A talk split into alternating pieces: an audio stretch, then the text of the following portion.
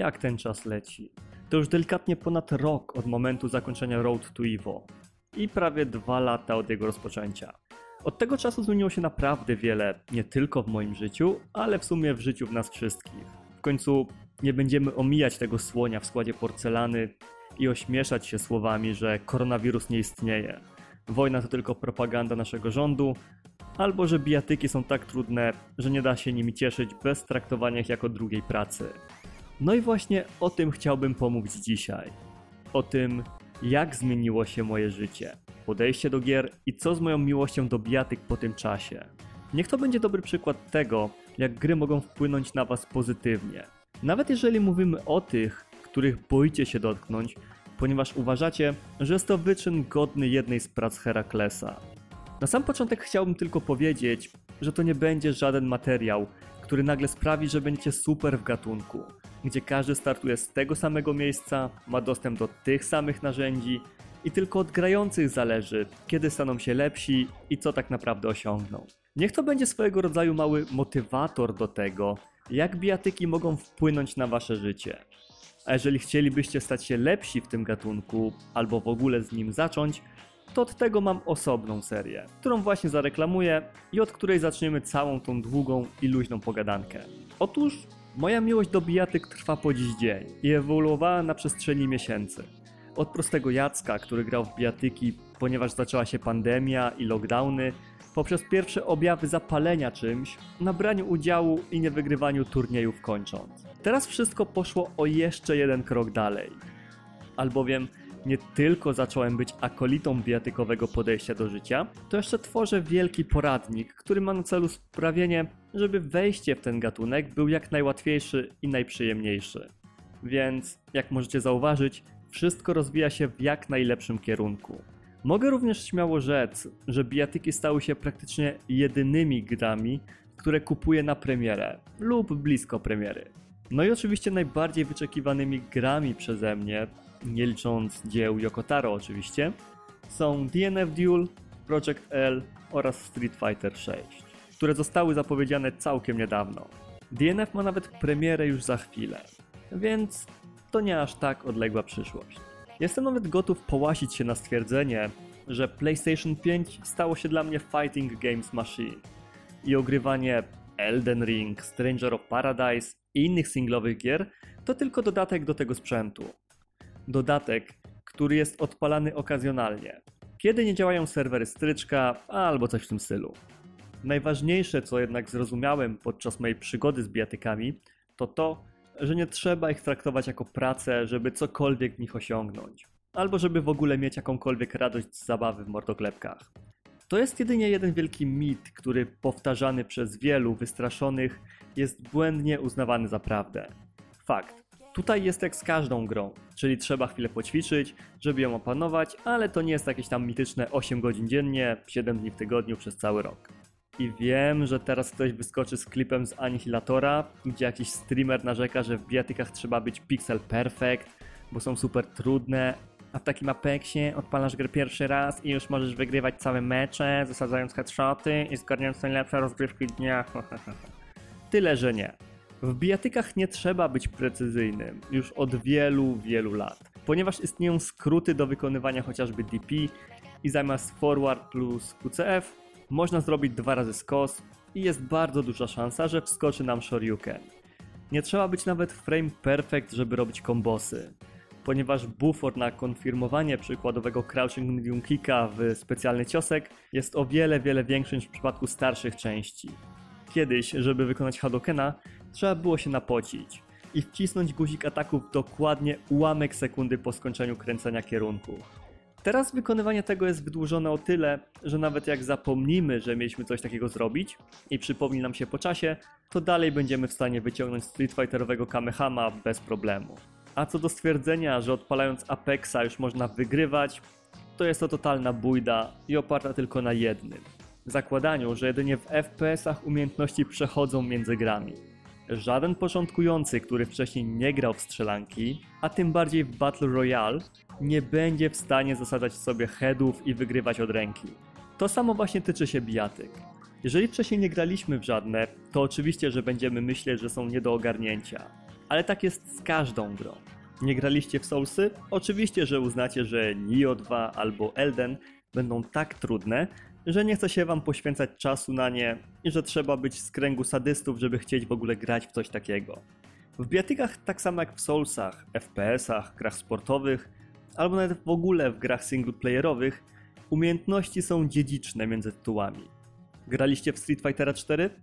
Na spokojnie będziecie ogarniać Street Fightera 5, w większości Kofika, Guilty Geara i inne gry dwuwymiarowe, oparte na motion input. Jedyne co będziecie musieli zapamiętać od nowa, to w jakiej kolejności je wykonywać, ponieważ inputy są praktycznie takie same.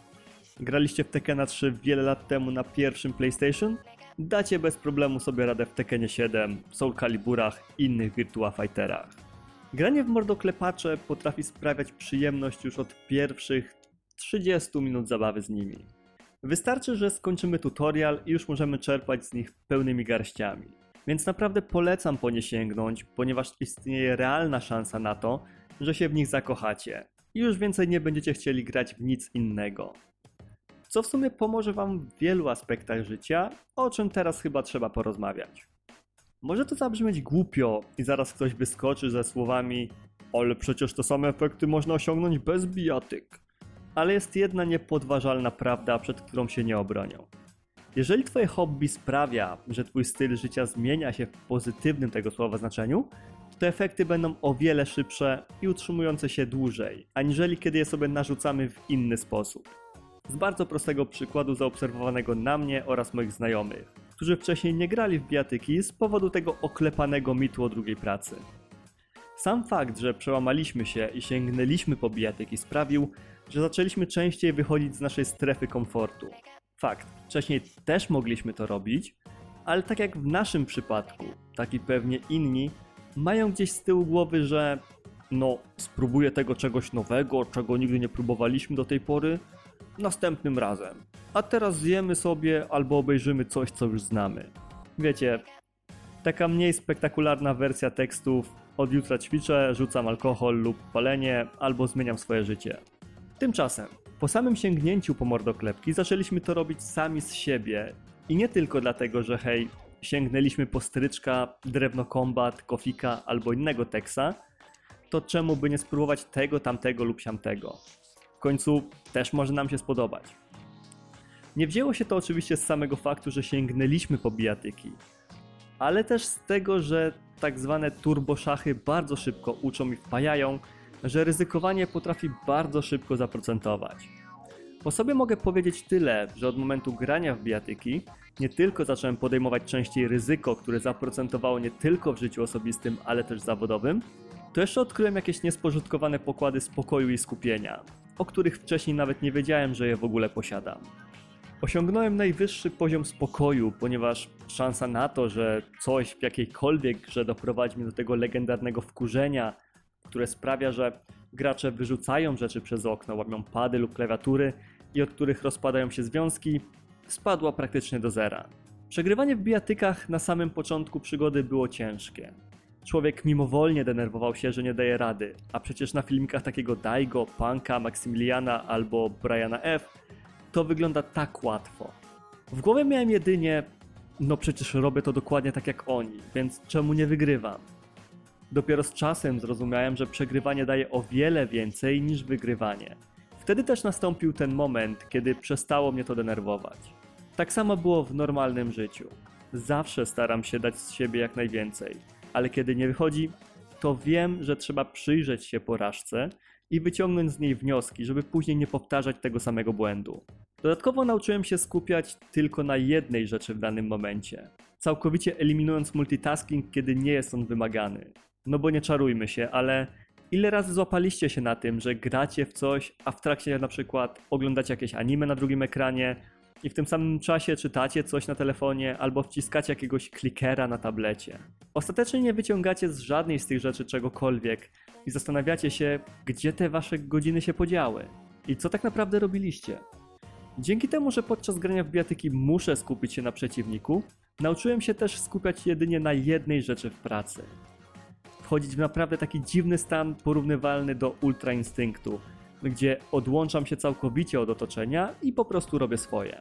nie dotykam nawet telefonu, ani nie reaguję na jakieś sygnały powiadomień socjalek itd., itd.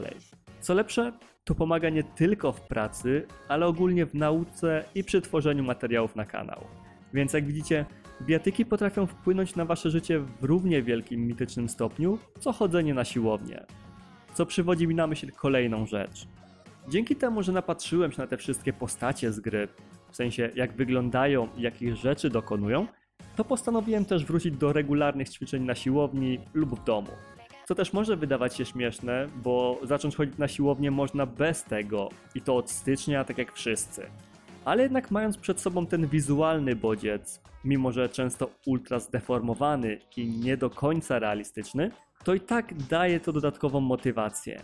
Widać po prostu do czego może doprowadzić ta przygoda, jaka nagroda znajduje się na jej końcu. A biorąc pod uwagę, że biatykowanie sprawiło, że łatwiej mi podejmować ryzyko i łatwiej skupić się na celu, to zaraz za nimi w trójkącie leci fakt, że łatwiej mi wyrobić w sobie jakiś nawyk. Jak na przykład wspomniane chodzenie regularnie na siłownię i ćwiczenie w domu.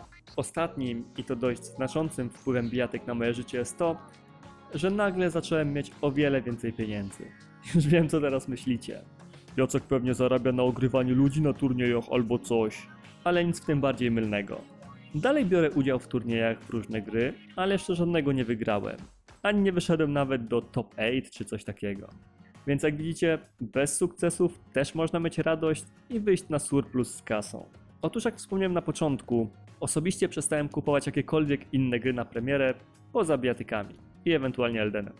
Całkowicie przestało mi przeszkadzać. Już lata temu wyleczyłem się z dziecinnego FOMO, więc miałem o wiele łatwiej, ale inni znajomi, którzy zaczęli grać w biatyki, już jednak tak nie mieli.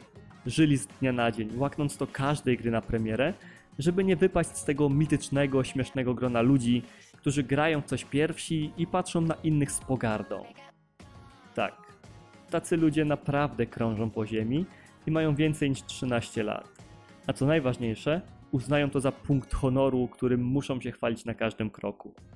Wielu z nich po prostu stwierdziło, że nie ma sensu brać czegoś na premierę, skoro i tak nie będzie się w to grało, ponieważ bijatyki są ważniejsze. Wymagają mniej zaangażowania czasowego i są super łatwe z powodu drop-in, play and drop-out, jak tylko czas się skończy. To samo w sobie przełożyło się z wydawania średnio 500-600 zł miesięcznie na gry na wydawanie okazjonalnie maks 249 na jakąś bijatykę co kilka miesięcy. Co nie oznacza, że jak wpadnie jakaś gra w promo za drobniaki, to nie skorzystają. Po prostu nie rzucają się na promocję typu z 299 zł na 189. Tylko grzecznie czekają jeszcze trochę, aż ta gra będzie, czy tam coś innego, za te 69 zł. Więc tak jak przylgnęło do mnie stwierdzenie, że Jacek kupił konsolę za prawie 3000 zł, żeby grać w Street Fightera za 39, tak i oni stali się wyznawcami tego biatykowego podejścia do życia. Więc, jak widzicie albo słyszycie, ostatecznie moja przygoda, która zaczęła się na samym początku pandemii, nie stała się jedynie przelotną modą, a czymś więcej. Zmieniła moje podejście nie tylko do gier, ale też do życia. I śmiało mogę powiedzieć, że to wszystko w pozytywnym sensie. Dlatego, tak jak powtarzałem wielokrotnie, tak teraz powiem to jeszcze jeden raz. Nie słuchajcie ludzi, którzy mówią, że bijatyki są trudne i wymagają poświęcania im nie wiadomo ile czasu, żeby cokolwiek w nich osiągnąć.